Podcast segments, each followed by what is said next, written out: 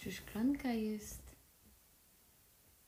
pełna czy pusta?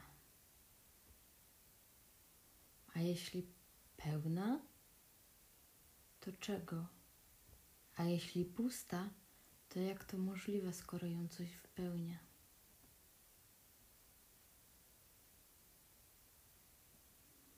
Tak samo jest z nami, kiedy czujemy się puści w środku.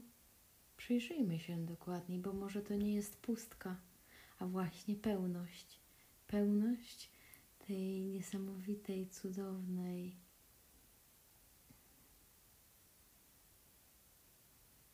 egzystencji. Hmm.